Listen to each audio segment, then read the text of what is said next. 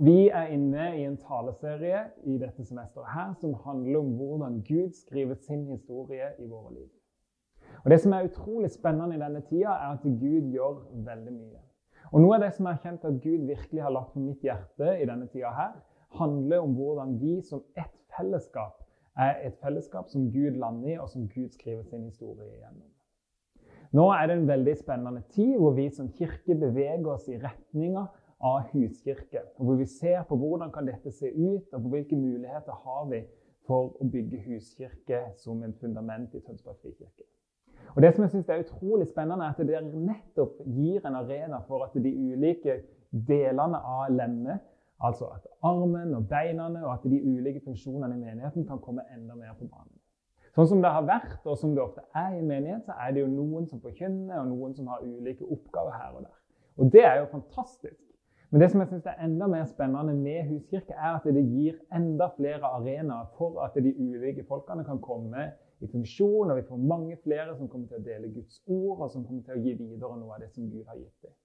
Og Det som jeg husker fra koronatida, en av de liksom, høydepunktene mine Nå er vi jo fortsatt litt i koronatid, men i begynnelsen da vi hadde sånn ord for dagen. Og Det var utrolig inspirerende å se hvordan mange av dere delte det som Gud hadde lagt på deres hjerte. Eh, også på den måten fikk vi lov til å erfare og vi fikk lov til å se noe mer av hvem Gud er, gjennom hverandre. Og jeg tror at eh, noe av det som Gud gjør i denne tida, er nettopp at han lærer og underviser oss om hvordan vi kan være ett legeme som er kobla på ett hode. Dette er Paulus sin liksom, ord som han bruker for å beskrive denne enheten. Eh, og Jeg tror vi skal se litt på hvor på en måte kommer denne forståelsen fra. Og For meg så er det liksom alltid viktig å forstå den største parten av Bibelen er Gamle testamentet. Størsteparten av boka handler om hva Gud gjorde gjennom Israel og med Israel. Og Derfor er det veldig lurt at vi begynner å tenke ok, Gud, hvordan åpenbarte du enhet, hvordan åpenbarte du disse tingene i Gamle testamentet, og hvordan ser vi det flyte inn i Det nye testamentet. Det som er spennende å tenke på, er hvordan Gud valgte ut Israel. Ikke fordi at Israel var liksom mye bedre enn alle de andre nasjonene, eller det var bare Israel som Gud ønska å være Gud for. Men hele poenget var jo at Gud valgte ut Israel som å være et verktøy eller Guds metode for å bringe velsignelse til alle. Det som Gud sier til Abraham, er at han velger ut Abraham for at han skal bli, og hans slekt skal bli til velsignelse for alle folkeslag som lever. Så Gud har et prosjekt og et ønske om at hele verden skal få lov til å kjenne han, og hele verden skal være fullt av Guds rike. Og det gjør han gjennom Israel. Og da har jeg liksom tenkt, Det som fascinerer meg, er at det, Gud valgte ikke bare ut én mann, men han valgte ut en slekt. Og så ser vi etter hvert at den slekta og Israel er delt inn i tolv forskjellige stammer. etter hvert. Og jeg tenker sånn, Det ville på en måte vært mest logisk å bare ha én stamme. Men Gud er så opptatt av mangfold av på en måte delt ut åpenbaring av hvem han er, at han legger noe åpenbaring i hver og en av de ulike stammene. Og Her på huset hos oss i Frikirka så har jeg vært veldig opptatt av Levi stamme, og vi har kjent at Gud har minnet oss om det, eh, som handler om at Levi var en stamme i Israel som handla om hva de var, sto i en prestetjeneste, de sto i tilbedelse og bønn, og de gjorde tjeneste innenfor Guds trone. Og Det er én stamme, men det er ikke hele Guds folk.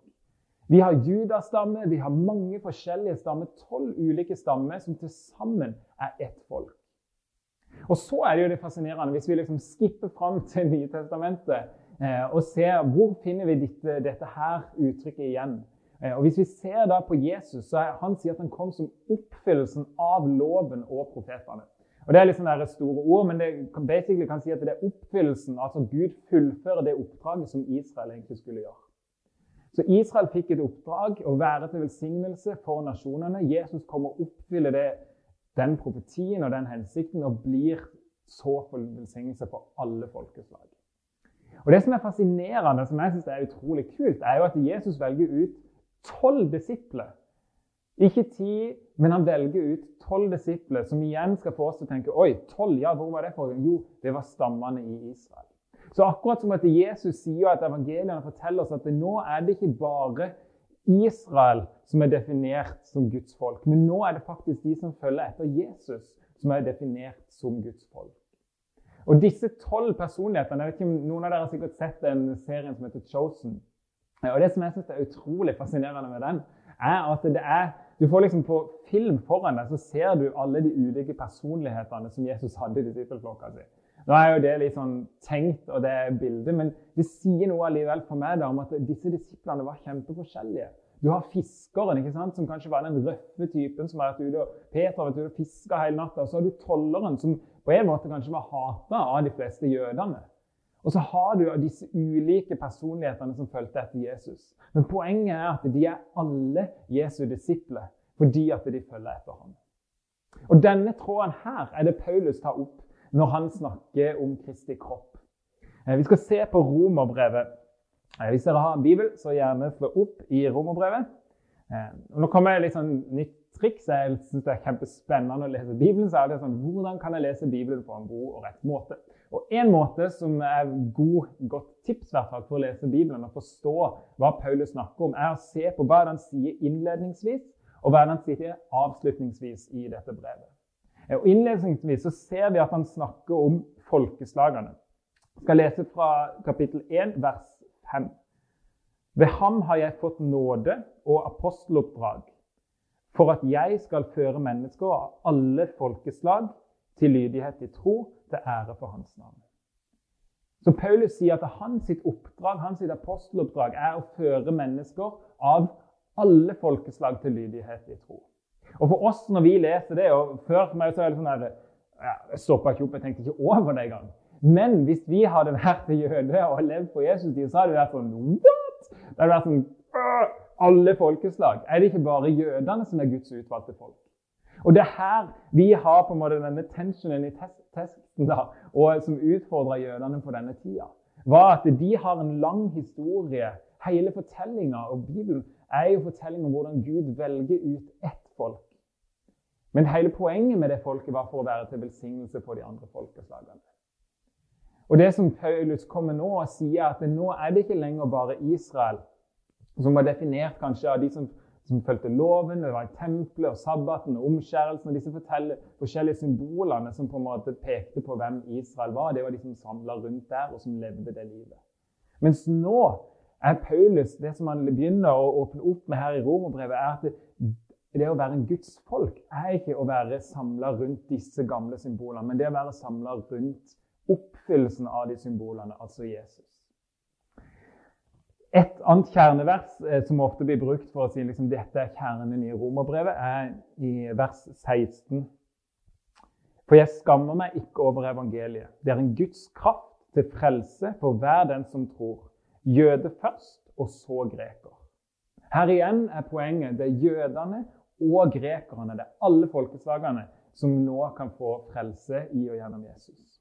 Og På slutten av brevet så finner vi Paulus som peker på de samme tingene igjen eh, i vers 26, kapittel 16.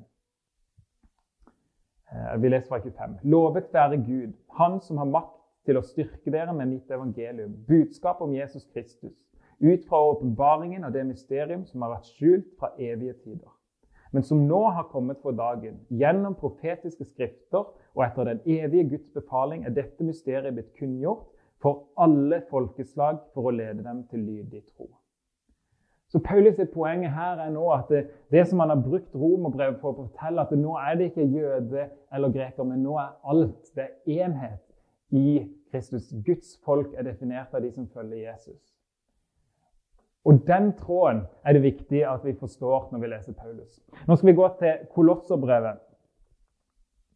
Hvis dere har Bibelen igjen, da, så bla opp til Kolosserbrevet, kapittel 3. Og Nå kommer vi til noen kjernevers. Vi har vært på eh, et ukestur med Bibelskolen på Sørlandet og reist rundt forbi. Og En av de tingene som Gud gang på gang, sted på sted, har lagt opp og taler til oss og underviser oss om både inn i skolen, men òg inn i de ulike plassene vi har vært, har vært nettopp disse versene her. Fra Kolossene 3 og 11 og nedover. Eh, og jeg har lyst til å si, Det første verset her er her er ikke greker eller jøde, omskåret eller uomskåret, barbar, skytter, slave eller fri. Nei, Kristus er alt og i alle.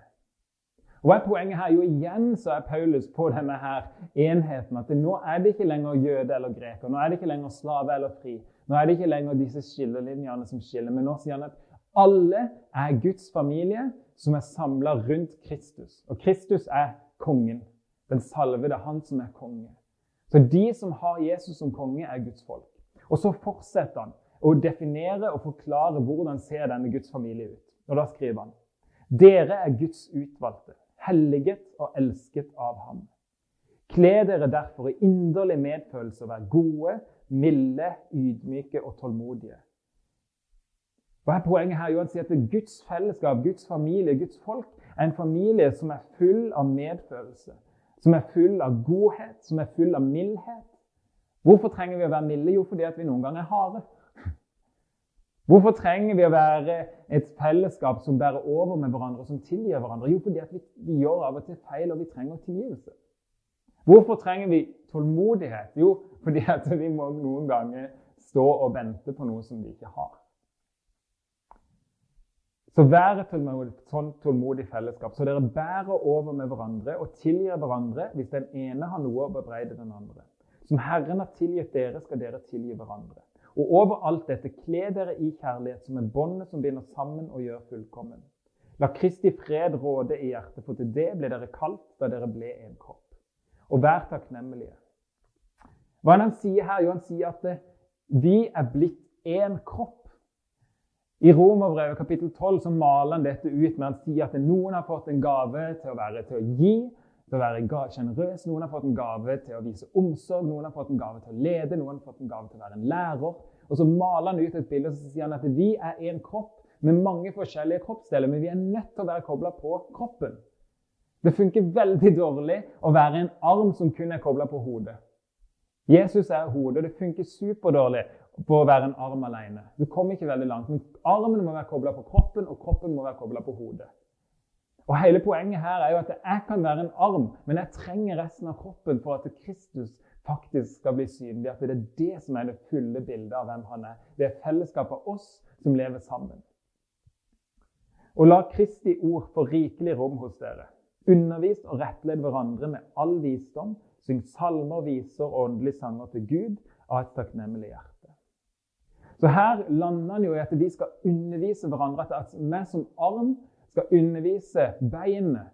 Beinet skal undervise meg som arm. Og På den måten så får vi lov til å se et større bilde av hvem Jesus er. Og Det er jo akkurat det vi gjorde i den tida med dagens ord. Og det er jo akkurat det vi har gjort når vi kommer sammen på gudstjeneste. At vi underviser hverandre. Vi gir noen av den gaven, noen av den gaven, og så sammen får vi lov til å gi noe. Og Det som motiverer meg veldig i forhold til dette med huskirke, er at jeg tror vi får lov til å se enda mer konkret hvordan disse versene her kan folde seg ut i menigheten. Vi får se enda mer hvordan de ulike kroppsdelene alle kan finne en plass og være delaktige. Vi får lov til å undervise og rettlede hverandre enda mer når vi blir et sånt nærhold og fellesskap. Og Det er det som kirka handler om. At vi sammen som én kropp får lov til å vise og åpenbare hvem Kristus er. Jeg har lyst til, til slutt at vi skal si at målet på en måte, Noen ganger så har vi gjort det på en måte, tenkt at, at vi må få alle gavene. Jeg må ha alle gavene. Jeg må både være den som er super eh, gavmild, og jeg må være den som er lærer, og jeg må være den som eh, er omsorgsfull, og jeg må være den må være alt, liksom. Og så er det sånn at alle de tingene er bra. Og jeg vil at alle skal være sjenerøse. Jeg vil at alle skal være eh, omsorgsfulle. Men realiteten er jo, som Paulus skriver i Romer 12, at har, det er noen som har en spesiell gave til å vise omsorg. Som er ekstra gode på det. Og det er noen som gir ekstra mye fordi Gud har gitt dem en gave på det. Og det er noen som underviser ekstra bra fordi det Gud har gitt dem en gave på det. Og jeg tror at Jo mer vi kan omfavne unike, det unike i hver og en av oss, jo mer jeg kan se at wow, for en fantastisk arm du er. For en fantastisk bein og øye og øre som du er. På den måten så får vi lov til å være unike, men samtidig så bygger det enheten. Og jeg tror at jo mer unike vi tør å være, jo mer enhet kommer vi til å se, og jo mer kommer Jesus til å åpenbare seg gjennom kirka. Og til slutt temaet som vi holder på med. Gud, skriv din historie gjennom vårt liv. Og Det er jo akkurat dette dette handler om. At Gud, vi er et fellesskap som vi ønsker at du skal komme og åpenbare deg. Og det funker ikke. Du åpenbarer det. Du er altfor stor til å åpenbare deg kun gjennom Eivind. Vi trenger et helt fellesskap for å se hvem virkelig Gud er. Lyst til å be en bønn til slutt. Hellige Ånd, Jeg takker deg for at vi får være unike, for at vi får være et folk som får lov til å være ett med deg, Jesus. Og ber nå om at det unike i hver og en av oss skal komme fram sånn at vi kan få lov til å bli ett i deg, Jesus. Amen.